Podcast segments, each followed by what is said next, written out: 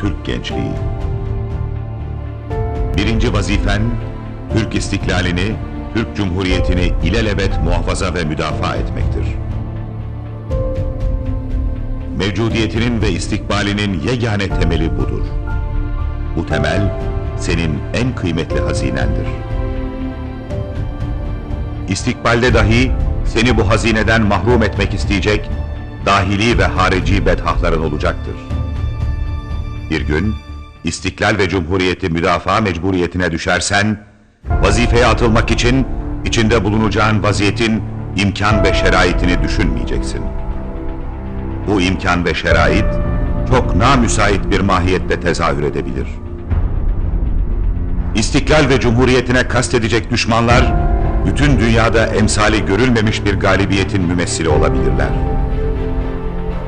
Cebren ve hileyle, aziz vatanın bütün kaleleri zapt edilmiş, bütün tersanelerine girilmiş, bütün orduları dağıtılmış ve memleketin her köşesi bil fiil işgal edilmiş olabilir.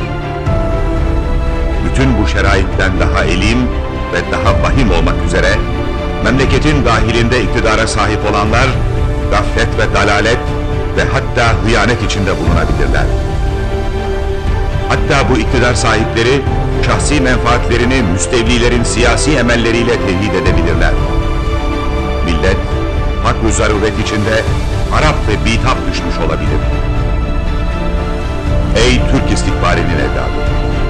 İşte bu ahval ve şerait içinde dahi vazifen, Türk istiklal ve cumhuriyetini kurtarmaktır.